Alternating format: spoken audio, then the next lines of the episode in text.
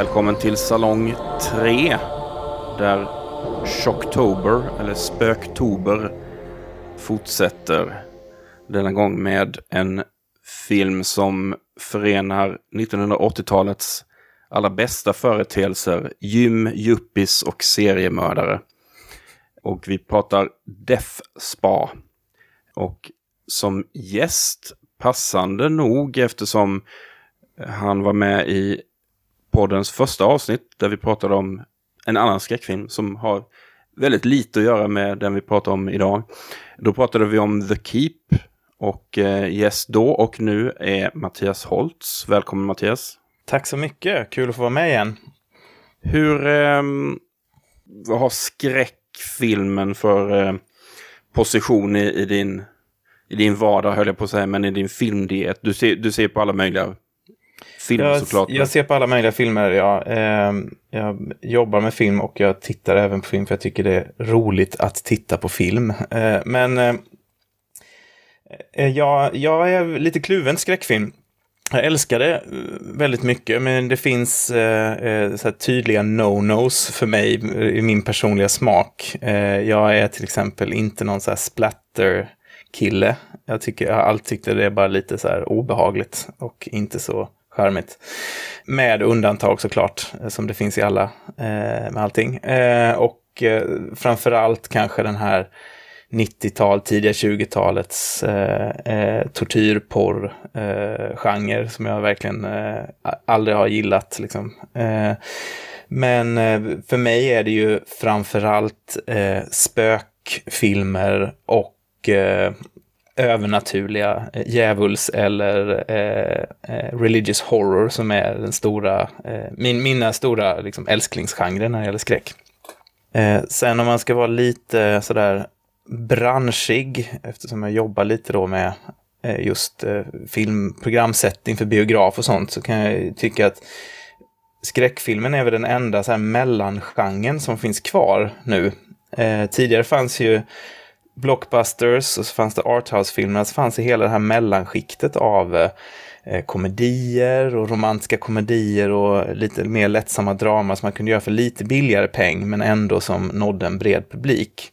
Där tycker jag väl egentligen att skräckfilmen är den enda som funkar på både i stan och på landet som folk fortfarande är intresserade av att titta på, även om det inte är nya Marvel, så 600 miljarder budgeten. Eh, och faktiskt i förlängningen kan jag tycka att där finns mycket av den kreativa, riktigt roliga kommersiella filmen idag också inom skräckgenren. För där kan studios låta regissörer ta ut svängarna lite och få lite final cut och kunna styra sina produktioner ordentligt och därmed också göra rätt intressanta konstnärliga grejer fast det är Hollywood.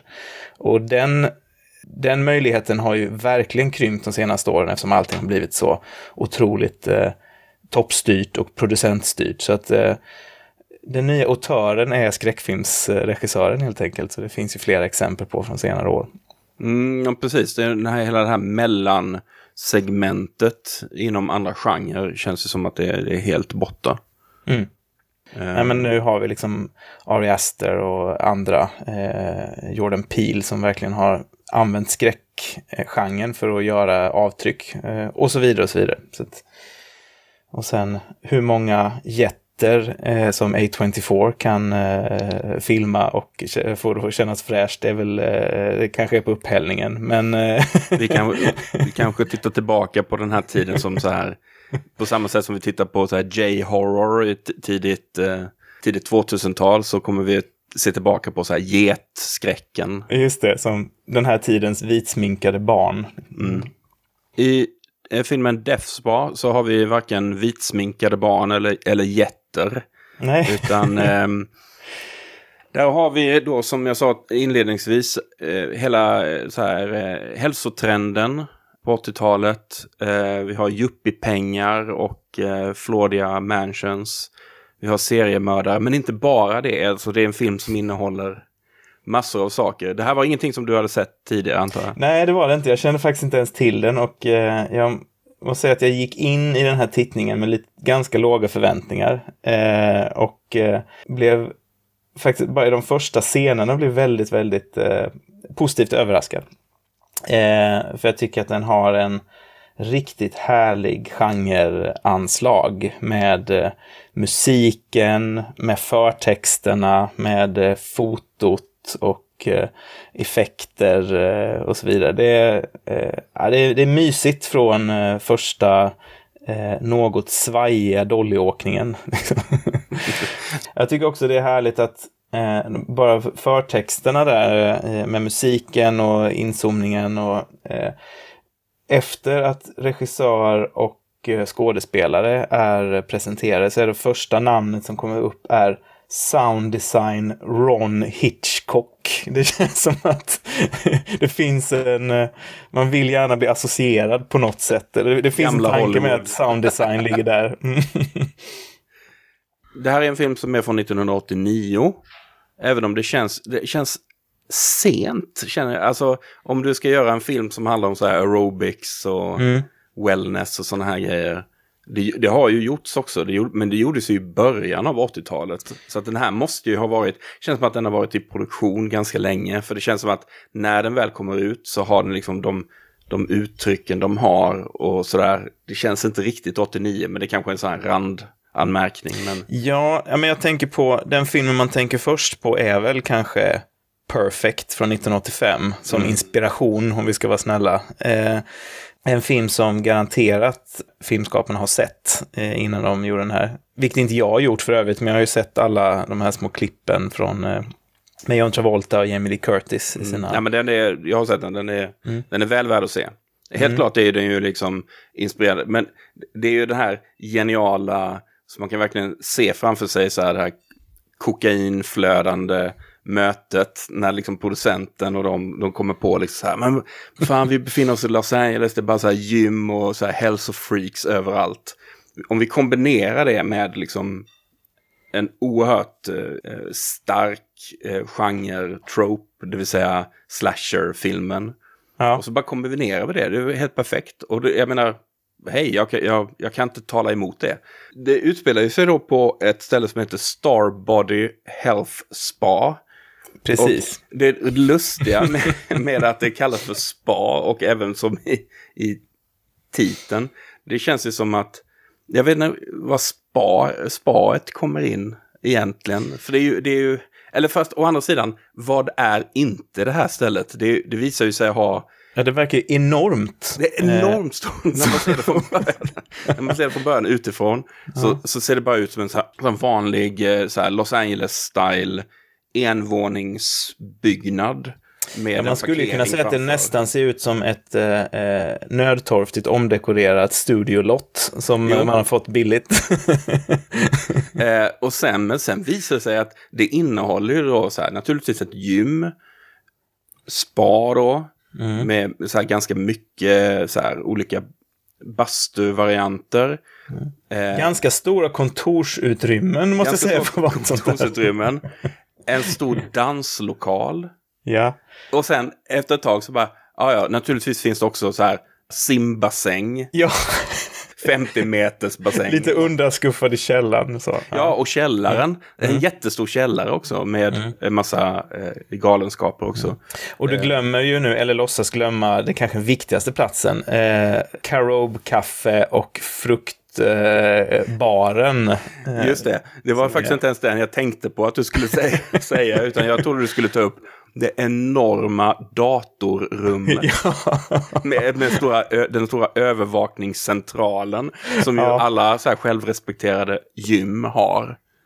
Jag antar att deras USP är att eh, alla deras här träningsmaskiner och sånt sköts delvis av en dator. Eller det liksom blir ja. så här otroligt övervakat och totalt integrerat med all utrustning så har du en sån här supercomputer. Typ Precis, USPen är väl att det här är modernt. Det är väl ja. det som är USP. Det här är modernt och det betyder datorer, det betyder eh, att man drar sitt personliga, eh, man skannar sitt datakort Ja. Eh, och då får man sina personliga inställningar och datorn känner av hur mycket man behöver motstånd och hur mycket, eh, hur ens träning går och så vidare. Och även i så här, omklädningsrummen så är det väldigt high tech och det är otroligt så här, eh, modern belysning som får det mer att se ut som en nattklubb.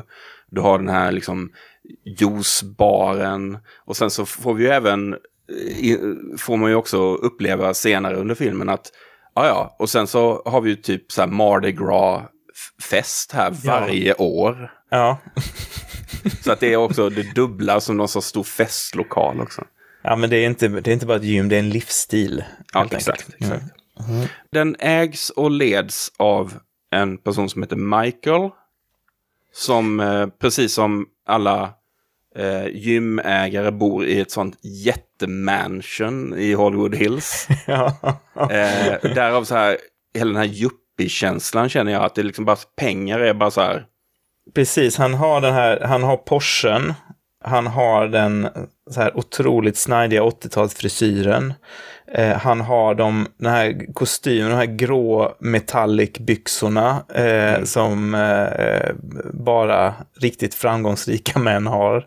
Och han har också en otroligt eh, lakonisk och pissig 80-talsattityd, vilket också ja. är viktigt i sammanhanget. Så han är liksom helt perfekt eh, som liksom ägare av den här rörelsen på något sätt. Och så har han ju även då en död fru.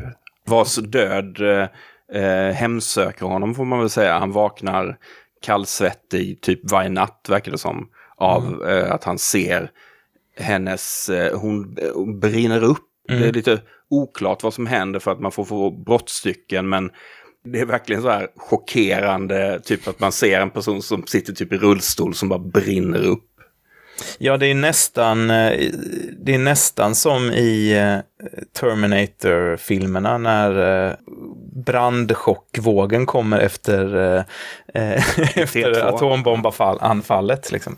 Det är lite den känslan på brutaliteten i den där branden. Och att han också sitter i rullstol och brinner är ju, det är starkt. Mm. Det är starkt. Och han är ju, Michael är ju väldigt hands-on då i, på gymmet. Han är ju inte någon så här passiv ägare direkt. Tvärtom så är han ju väldigt så här kladdig på väldigt många av gymmens, gymmets medlemmar. Ja, han har ju på något sätt, då, trots att hans fru då kanske dog för ungefär ett år sedan, eh, framgår så han har ju gått vidare på något sätt, eh, kan man säga. Och det är lite svårt, tycker jag, i början av filmen att reda ut riktigt, riktigt vem det är han har gått vidare med. Ja. Många prospects. Eh. Det är jättemånga som är efter honom och liksom vill ha honom på massa sätt. Mm. Och eh, han tycks ju nästan ha så en personlig relation till alla medlemmar på gymmet, vilket ju känns helt omöjligt. Typ att han vet så här, ja men hon var här igår och Ja, hon, men exakt. Hon vet in, vad varje individ gör och de är väldigt så här, det är väldigt mycket kramar och pussar och sånt som känns mm. så här. Ah. Det är som en familj. eh, och apropå familj så är det ju så att han har eh, sin eh, avlidna hustrus tvillingbror jobbar ju då som, han är ju masterminden då bakom den här gigantiska datorn och hela det systemet som sköts då på gymmet. Just det, det, det ultimata datasystemet här som han har då, eh, som då David har installerat. Mm. Och Michael och David avskyr ju varandra, det är ju ganska tydligt. Mm. Mm. Och sen börjar det hända konstiga saker, eller det börjar hända saker direkt när filmen börjar i princip. Folk börjar dö under så mystiska omständigheter och, och så tänker man så här, ja det här kommer ju utvecklas till, är det här någonting som är övernaturligt? Eller är det så att det är någon form av seriemördare som är i, i farten? Man håller lite grann på det här, men man håller inte på det särskilt länge, även om du liksom mm. höll koll på det här. För att redan vid, jag tror andra incidenten eller någonting, när den här eh, trampolinen vid simbassängen, eh, så ser man hur den fästena på den, så här, skruvarna skruvas upp av sig själva. Och då fattar man liksom att okej, okay, det här är mm. ingen vanlig seriemördare som gör det här, utan det här, här har vi någon, några andra krafter. Ja, och det där är ju, eh, det där kompliceras ju sen av att det också finns andra mer eh, eh prosaiska krafter som är ute efter att sabotera eh, i ett jättekonstigt sidospår. Så det kanske vi kan lämna därhän så länge. Men eh, vi, jag kan, för det, där har vi då advokaten Tom som ju är ändå värd att nämna för han, eh, om, det, om eh, då Michael som gymägaren eh, är en eh, väldigt typisk 80-talskaraktär eh, så är väl advokaten Tom ännu mer typisk eh, sleazeball-advokat. Mm. Eh, som då är den som framförallt propsar på att efter att en en gäst har blivit, ja, i, i den totalt automatiserade någon slags eh, bänkpressmaskin har han blivit eh, knäckt på mitt eller på längden eller vad man ska säga. Eh, varpå då Tom säger, ah, eh, Mardi Gras-festen är bara några dagar, vi kan inte stänga av det här nu, fattar du väl? Eh, jag och de andra ägarna är helt överens om att vi kör. Överhuvudtaget är det väldigt, väldigt så här kalla reaktioner på alla dessa otroligt brutala händelser. Ja. Så, och inte bara då av Tom, utan jag tänker även av eh, från polisen och sådär som visserligen dyker upp, men som ju är lite sådär. Jaha, vad har hänt här då? Ja, polisen ja, de måste vi också prata om. Eh, där har vi ett riktigt klassiskt polispar, liksom Stone och Fletcher, eh, som eh, som känns eh, väldigt genuina eh, 80-talssnutar, eh, liksom båda två. De, de, dyker upp och levererar så här, exposition. typ om, om Michaels, så här, bakgrunden till så här, Michaels fru. Och... ja. Det är just det de säger när Michaels fru då kommer upp, liksom, så är det väl den här manliga snuten som säger She was burned to unrecognizable ashes. Now does that suggest anything to you? Yeah. I gotta tell my wife to start smoking in bed. Misogynt och mysigt som vanligt eh, från 80-talet. Men också han, eh, eh, också för att liksom leda de olika spåren, säger han My money's on the freak in the computer room. Eh, vilket också är väldigt eh, det, det, är också kul för att det finns den här moderniteten i filmen och eh, liksom lockelsen med det. Men det finns också den här tidens skepsis mot datorer och eh, vad ska det vara bra för med datorideal som kommer fram flera gånger. Liksom, att det, det är inte äkta liksom, på något sätt. Nej. För att det är, da, det är datorer och då är, då är det fake på något sätt. Liksom.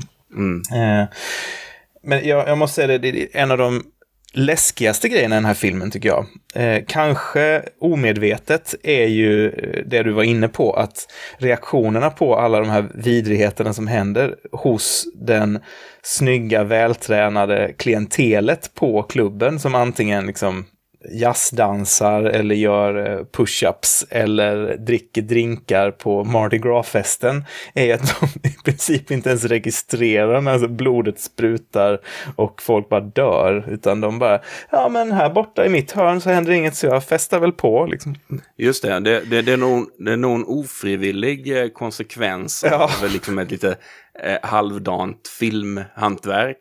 Men Exakt. det kan liksom läsas nästan som någon sorts så här någon sorts kritik mot, eh, vad ska jag säga, någon sorts här egocentriskt kapitalistiskt samhälle där man bör bry sig om sig själv och skitsamma om, om det dör någon liksom runt hörnet. Precis, vad rör det mig? Lite som, eh, ja exakt det du säger, eller, eller liksom som att man festar medan eh, eh, Röda armén rullar in i Berlin. Liksom, lite den, mm. eh, den känslan.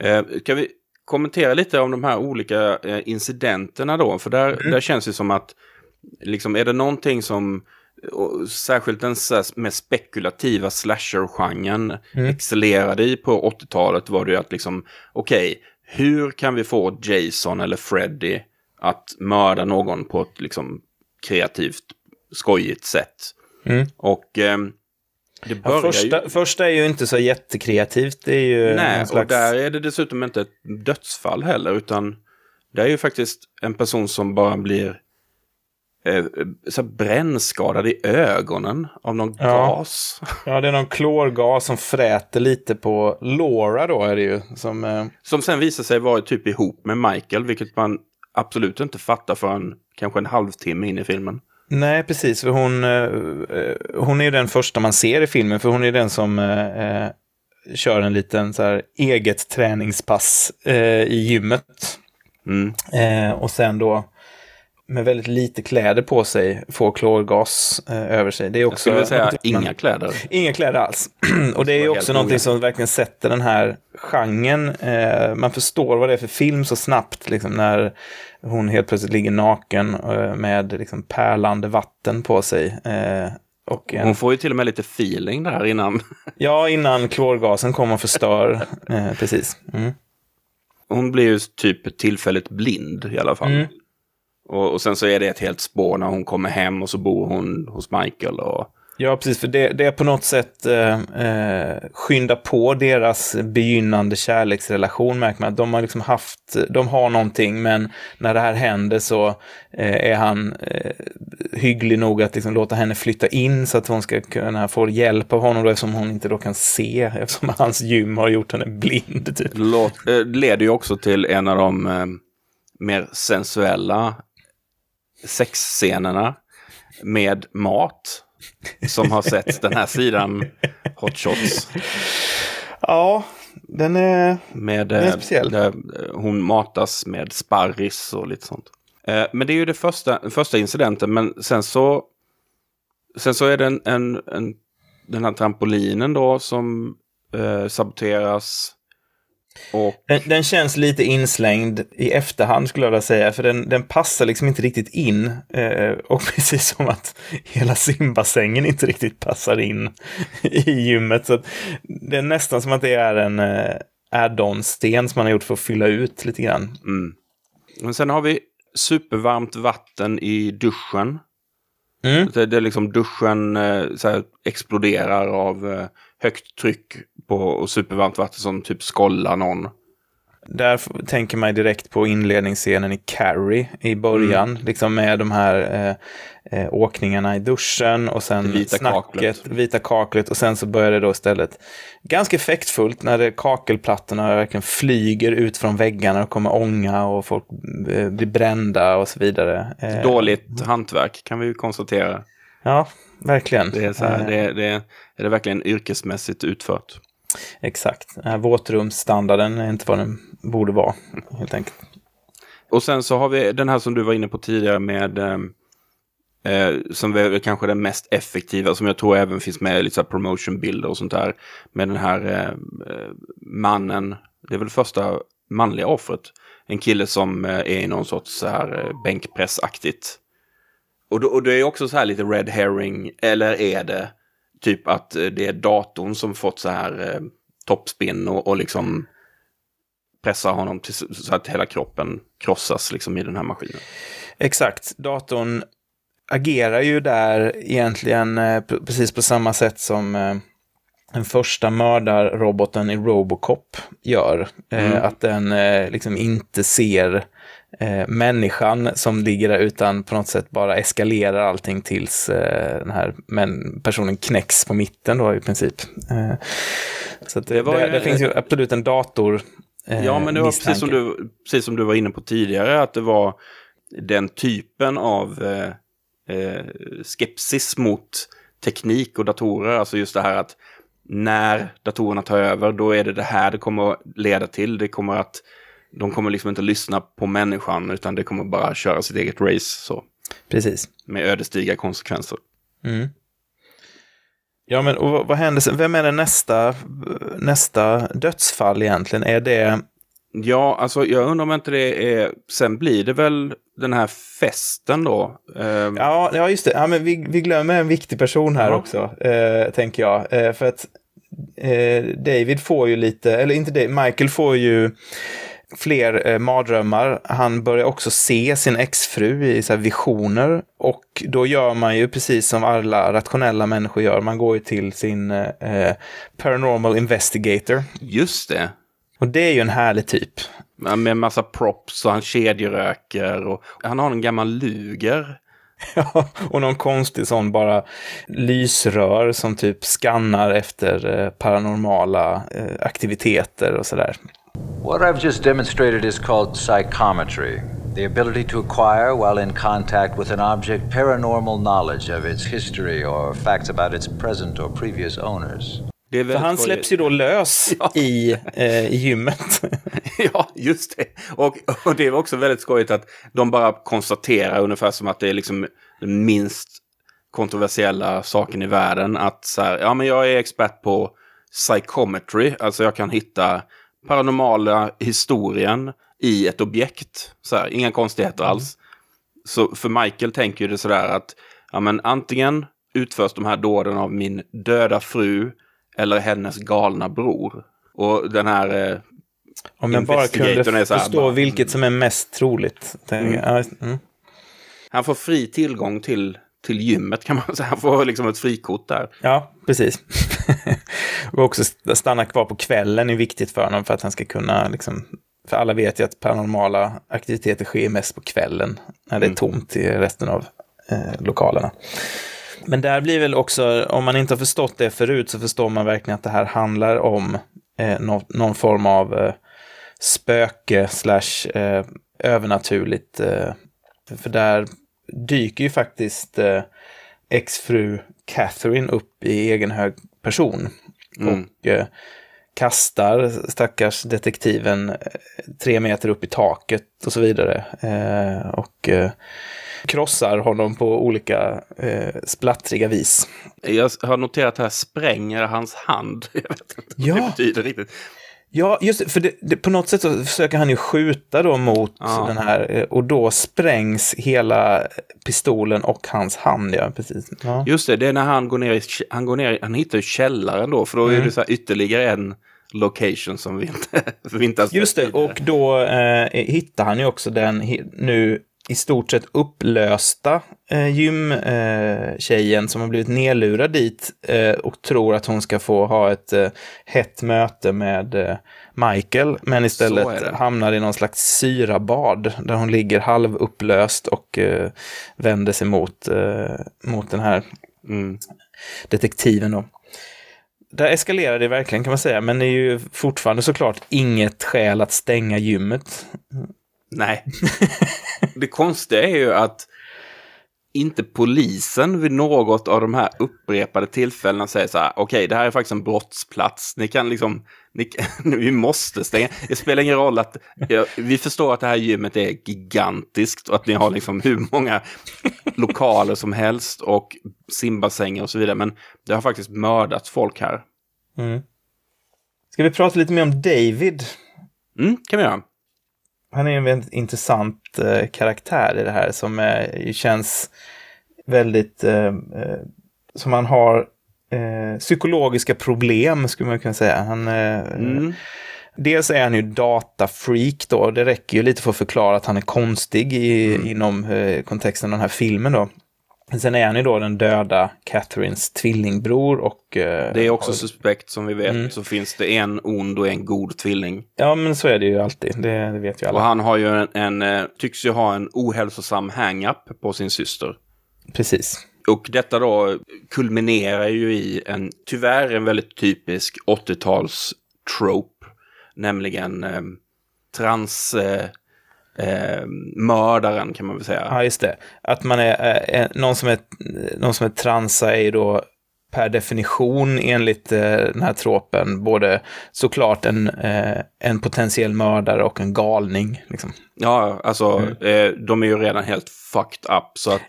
Ja. därför så är det, steget är ju väldigt kort till att bli total Mm. Ja, det, det är galning. trist. Det är en trist del i det här. Men jag skulle också vilja säga att jag tycker det här är en av filmens absolut bästa skådespelare.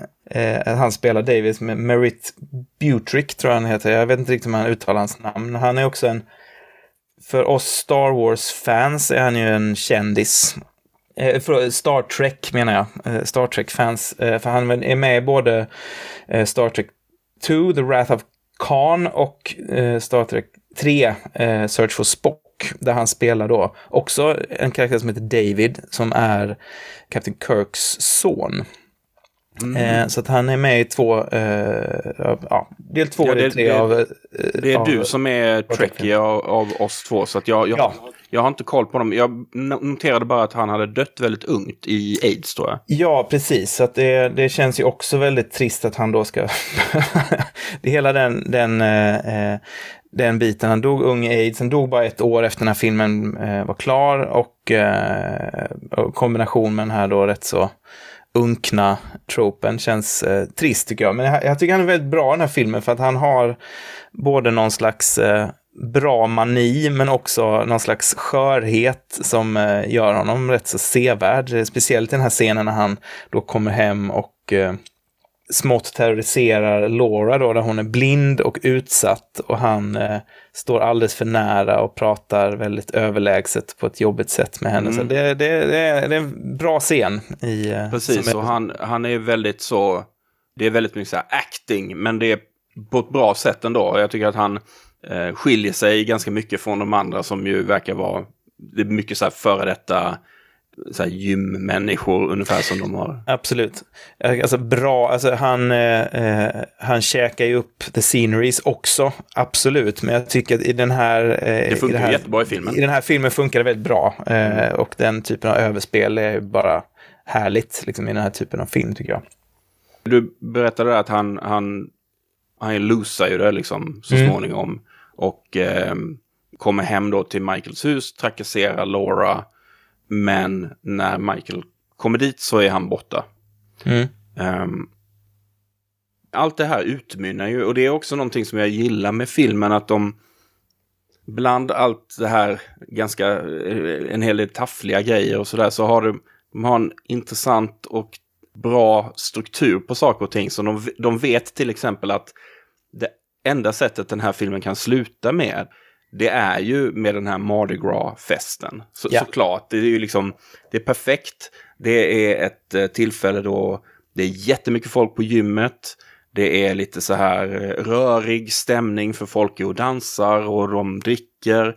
Folk är utklädda så att man vet inte så här, okej, är mördaren här eller inte? Det är liksom dimma och rökeffekter och sånt. Så är det så här, aha, är det här övernaturligt eller vad är det som händer?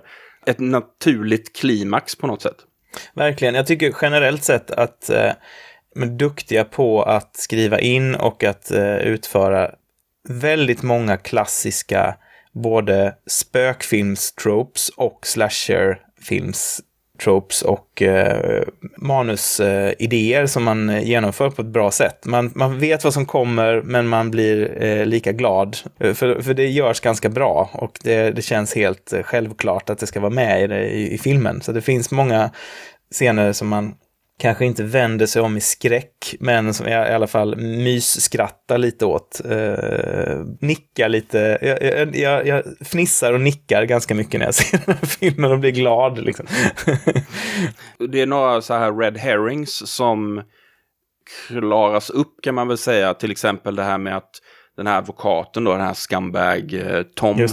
Han och en, en tjej som heter Priscilla. De visar sig vara lite delskyldiga till en del av sakerna som sker på gymmet. De har saboterat saker och sådär. Så det är också smart av filmen att det är så här. Det är inte en mördare som har gjort allting. Det är inte en sabotör som har gjort allting. Allt är inte övernaturligt. Men allt är heller inte icke-övernaturligt. Det är lite blandning och de här olika trådarna hittar man till slut liksom slutet på. Den här advokaten Tom och de, de är ju helt liksom skamlösa. Nu minns jag inte exakt vad det är de vill med sabotaget. Är det att de vill manövrera ut Michael? Eller? De vill väl ta över gymmet helt Ja. enkelt. De vill eh, helt enkelt eh, få bort honom och eh, driva det här framgångsrika konceptet själva. Vad, vad tror du att ett månadskort på det gymmet kostar? Med tanke på de enorma lokalerna och helt sanslösa utrustningen och datorn. Vad kostar inte liksom Ja. investeringen av datorn? Ja, bra fråga. Alltså, det, jag tänker också på, är, ingår eh, juicerna eller får man betala extra för dem? Det Precis, Också, för det är verkligen så här high-end. Jag vill inte ens tänka på vad det kostar. Nej, får, får inte tala om den här Mardi Gras-festen som verkar vara liksom... Nu, nu, nu ska vi ha allt. Nu ska vi ha både sprit, öl, ananas och sushi. Eh, Sushi också. Eh, Men även om Mardi Gras-festen är ju... Den ser ju rätt så billig ut ändå. Det ser mer ut som en skolfest eller någonting. Skolklass. Som, maskerad liksom. Maskerad och sprit och bål. Mm. Men det är som du säger, allting pekar ju på den här festen och man förstår ju att det här kommer ju liksom klimaxet ske. Eh, och eh, man kan väl verkligen säga att eh, man skruvar upp volymen rätt rejält eh, när det blir dags för. Det är mycket saker som ska hända under den här festen och som Ja. också händer. och alla kommer ju dit också. Även polisen. Mm. Som ju beter sig ganska oproffsigt kan jag tycka. Som, som så här, är både äter och dricker och liksom bara så här having a good time ungefär. Alltså Fletcher då, den manliga polisen, blir ju väldigt förtjust i uh, juice eh, eh, smoothie-tjejen och eh, försöker snacka sig in genom att så här hjälpa till lite sådär. Vilket funkar ganska bra till en början. Ja, och sen så möter ju han sin död på det kanske, kanske märkligaste sättet i den här filmen. Eller vad, vad skulle du säga? Ja, alltså det blir också på något sätt som en... Han har ju stått och eh, himlat med ögonen eftersom han har typ slängt sin eh, cheesesteak, precis på halvätna cheesesteak på väg in på festen. Står han ju och dricker någonting och himlar med ögonen åt japanerna då som står och skär sushi, vilket han tycker är svintöntigt såklart. Eh, Också och- väldigt 80-tal att vara så här 80-tals- anti-Japan. Men det får han ju igen sen ja, för att han hamnar ju i, eh, han hamnar i frysen till slut, va? eller kylrummet. Eh, och eh, där han då blir ihjälbiten av eh, de här halvuppskurna fiskarna från sushibuffé Han dör av frusen fisk. som flyger på ett sånt Som här... typ eh, blir besatta. Ja, de blir besatta, börjar skaka och eh, eh, sprattla och sen då med uppspärrade käftar eh, då eh, flyger mot hans hals eh, och eh, biter ihjäl honom helt enkelt. Och ungefär samtidigt som detta så är ju den här smoothie-tjejen i baren, hon, hon får ju sin eh, hand mosad i en blender där. Just det. eh, och dör. Och jag har noterat här, ingen reagerar. Nej, det, det är också en sån. Det, det är jättemycket folk i det rummet. Eh, och eh, då är ju fortfarande polisen vid liv och ropar och säger anyone, please. Och alla bara woho! Where's the punch? Liksom. En av alla enskilda händelser som i sig skulle ha stängt ner allt. Liksom. ja, precis. När allting kommer, kommer fram liksom så är det ju både det här... eh, Det är både en så att säga mänsklig, riktig mördare men det är också övernaturligt eftersom den här döda hustrun då, Catherine, hon mycket riktigt är den som har mastermindat och orkestrerat allt det här egentligen. Men då genom att eh, på något sätt ta över sin tvillingbrors, eh, eh, hennes själ då kommer in i tvillingbroderns eh, kropp. Mm. Vilket också är förvirrande eftersom när den gör det så ser hon också exakt ut som sig själv och inte som sin tvillingbror. De försöker göra någon form av så här att han dyker upp i drag och sådär. Men det är ju, då är det ju den kvinnliga skådespelaren. Ja, det är ju till och med en väldigt stark scen där Michael liksom förstår hur det ligger till och eh, försöker tala direkt till David. David,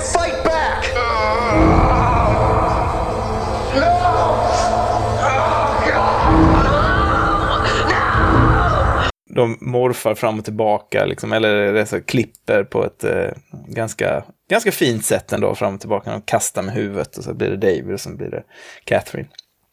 Catherine vid något tillfälle så vädjar ju hon även till Michael. Now's your chance, Michael. Come with me into the inferno. Let's die together and live forever in hell. Ja, precis. Det är väl allting man vill egentligen. Men Michael är tveksam. Han är alldeles för ytlig och fäst vid den eh, fysiska världen helt enkelt. Eh, han är rolig han spelar Michael tycker jag, för han har det här liksom jätte 80-tals-looken och han har väl kanske inte enormt eh, känsloregister på sin eh, skådespelar... Eh, eh, ja, i sina skills. Men han ser lite ut som, jag tänker på Robert da Davy, eller Robert Davy, eh, som är så, fast utan R då, från, känd från James Bond-filmer och Goonies bland annat. Eh, klassisk skurkskådespelare. Men han har lite den, eh, den looken eh, med lite död blick och eh, eh, cool aura. Liksom. Mm. William Bewmiller, som han heter, skådespelare. Är det några andra skåd skådespelare du tycker vi bör nämna? Ja, vi har inte nämnt eh, Marvin, Marvin, ja. Mm. som ju är en av de eh, gyminstruktörerna. Men också lite så här, typ allt i allo och kompis till Michael och lite så här vaktis på samma gång. Exakt, de har eh, en härlig rapport. Eller man försöker verkligen få till det där att de är väldigt så här Det känns som att han aldrig går hem också. Han är alltid där bara. Mm. Han ger ju eh, precis i första scenen där med Laura innan hon går in i bastun så, så säger han till henne så här, okej men stänger du här sen? Bara, ja visst. Och sen så bara ger hon, ger han henne så här en kyss på munnen. Mm. Och så tänker man så här, okej är de ihop? Nej, nej. Det är bara så vi gör det här på det här gymmet.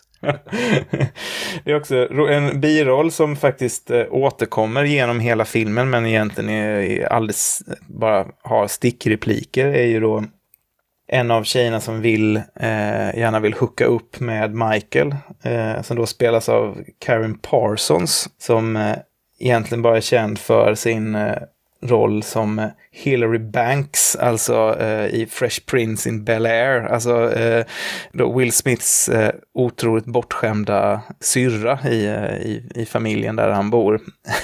Men hon är ju med rakt igenom hela filmen som någon sån ja, men en, en biroll som de verkligen har velat utnyttja eh, flera gånger och att hon är med liksom då, ja, rakt igenom i flera scener. Så henne måste de ha på något sätt värderat högt i, eh, i casten. Vi ska säga att eh, Marvin spelas av Ken Foree som ju Mm. har gjort hur mycket filmer som helst. Ja. Om man tittar på hans CV. De som överlever, det, det blir ju som sagt, det accelererar ju alla de här morden på slutet. Det är folk dör till höger och vänster. Men till slut så med, medan gymmet brinner ner till grunden så står ändå Michael, Marvin, Laura och den eh, kvinnliga snuten som jag glömt vad hon heter. Stone. Stone. De eh, står som överlevare. Och sen så kommer det också något sånt där konstigt eh, från bortom, bortom, bortom graven från Catherine. Nice try, Michael. Men hon dog ju så här. Var, mycket märklig. Eh, Hon ville få in ett så här, en, jag vill ha en, en så slutreplik. Jag ville ha någonting som är så här, ja, fast Ja, det är ju, det, hon dör ju ganska tydligt kan man säga, för hon blir ju typ uppbränd till en eh, deghög och sen så börjar hon röra lite på sig var, varpå då polisen skjuter henne i huvudet eh, med tre skott. så att hon typ från så point blank range. det, är enda ganska- realistiska i den här filmen. Ja. Där snutarna kommer in och skjuter ihjäl någon som inte gör motstånd. ja, precis. Jag tycker också att de knyter ihop det väldigt snyggt för då är det här Star Body Health Spa, neonskylten. Precis i början så är det ju, eh, i förtexterna så är det ju ett, eh, ett blixtnedslag där som gör att några av eh, bokstäverna stängs eller släcks ner så det då blir Death Spa. Och precis samma sak återupprepas ju då medans alla dörrarna, datorn stänger dörrarna och ingen kommer ut när det brinner då. Då blir det samma, samma effekt då igen. Så det är snyggt. Mm. Har du något, något annat som du har noterat innan vi går mot en avrundning här? Jag skulle, kunna säga så här, jag tycker det, finns, det är roligt för det har, det har dykt upp andra saker som just är inspirerade av den här aerobics och hälsotrenden som ju var en rätt så stor business under den här tiden på 80-talet och en bit in på 90-talet. Ehm, jag har en kompis och kollega som driver, eh, eh, som håller på väldigt mycket med eh, kultfilm och så vidare. Och han har startat en ny vodtjänst som heter Cultpix. Och där har de en, en subgenre nu som heter I'm very fond of VHS workout tapes. samtidigt som jag har förberett mig för att vi ska ha det här samtalet så har det här dykt upp i mitt flöde, vilket jag tycker var väldigt roligt, för det blir liksom en sån kommentar till det. Bland annat då en film som heter Killer Workout eh, med undertiteln Aerobicide. Eh, Som om man söker på Death Spa på IMDB så är det den första så här You may also like, alltså kommer upp samtidigt. Väldigt lika eh, sådana här airbrushade eh, affischer, omslag och så vidare. Men för det här blev ju en sån jättebusiness med just eh, workout-videos och aerobics-grejer. Också svinbilligt att göra såklart. Eh, så där finns bland annat eh, Debbie Reynolds. Eh, Do it like Debbie heter den. Eh, då med, med henne som lite mer så här mogen eh, workout. Eh, det finns eh, Tracy Lords, eh, Jazz Workout with Tracy Lords som hon gjorde då. Eh, som inte alls är naket utan bara är liksom spandex och mycket så här flexing. Liksom. Man kan tänka sig att man vill ha olika eh, köpstarka grupper som ska köpa den där videon eh, på omslaget såklart.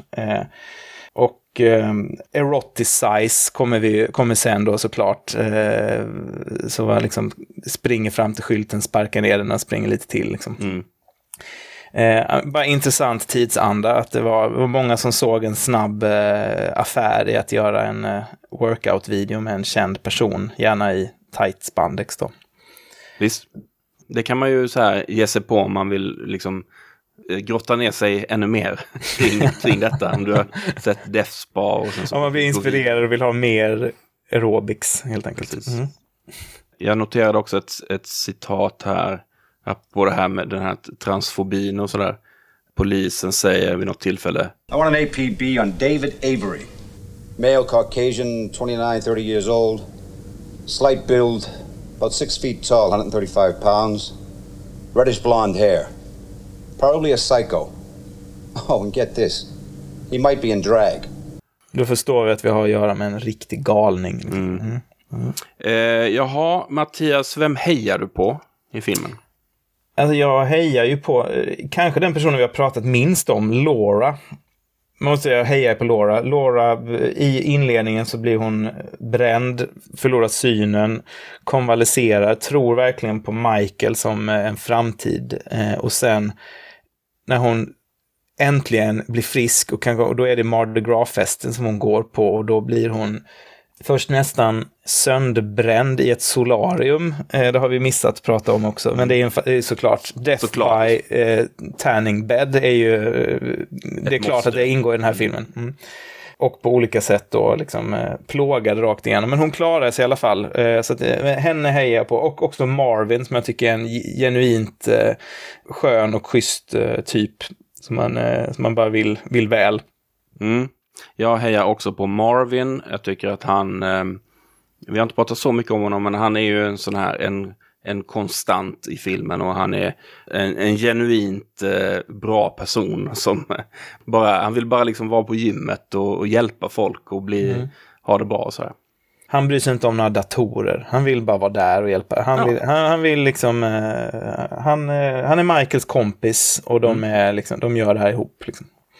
Bra, då ska vi dela ut lite guldpentagram. Mm. Som vi gör här i slutet av eh, varje avsnitt av i Shocktober. Och då frågar jag, innehåller filmen ett elakt djur? Ja.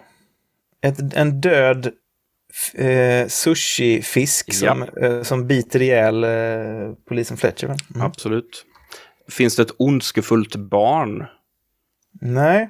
Helt barnfri film va? Helt barnfri, barnfri och barnförbjuden kan man säga. Mm. Satanistiskt eller ockult innehåll eller tema?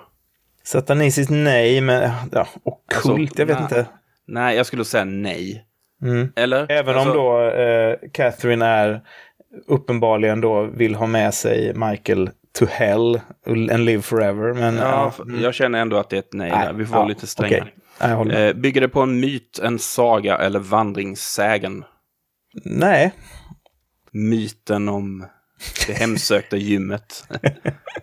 det kanske är så att om 200 år när de sitter och gör en liknande enkät. Mm. Om man, om man tittar i någon av Bengt af Klintbergs 500 böcker så finns det Mm. säkert där någonstans. Men eh, vi kanske inte behöver gå så långt i researchen. Finns det en kniv Nej, jag kan inte komma på. Är det det? Ja, det finns ju, det finns ju, sushin skärs ju med kniv, men det kanske inte... Men den används inte på något våldsamt nej, sätt. jag tror inte det. Så nej. Serie eller massmördare? Ja. Ja. Eh, hur är det med jump scares? Fanns det några effektiva sådana för dig? Eh, ja, tycker jag. Den, den börjar ju väldigt snyggt med en fake jump scare när eh, Laura pustar ut efter sitt jazzercise-pass och eh, kommer en, en skugga som tornar upp sig bakom henne och man tror att det ska bli en slasher eller giallo-strypning, men då är det ju bara Marvin som bara Tjena Laura, läget? Så det är absolut.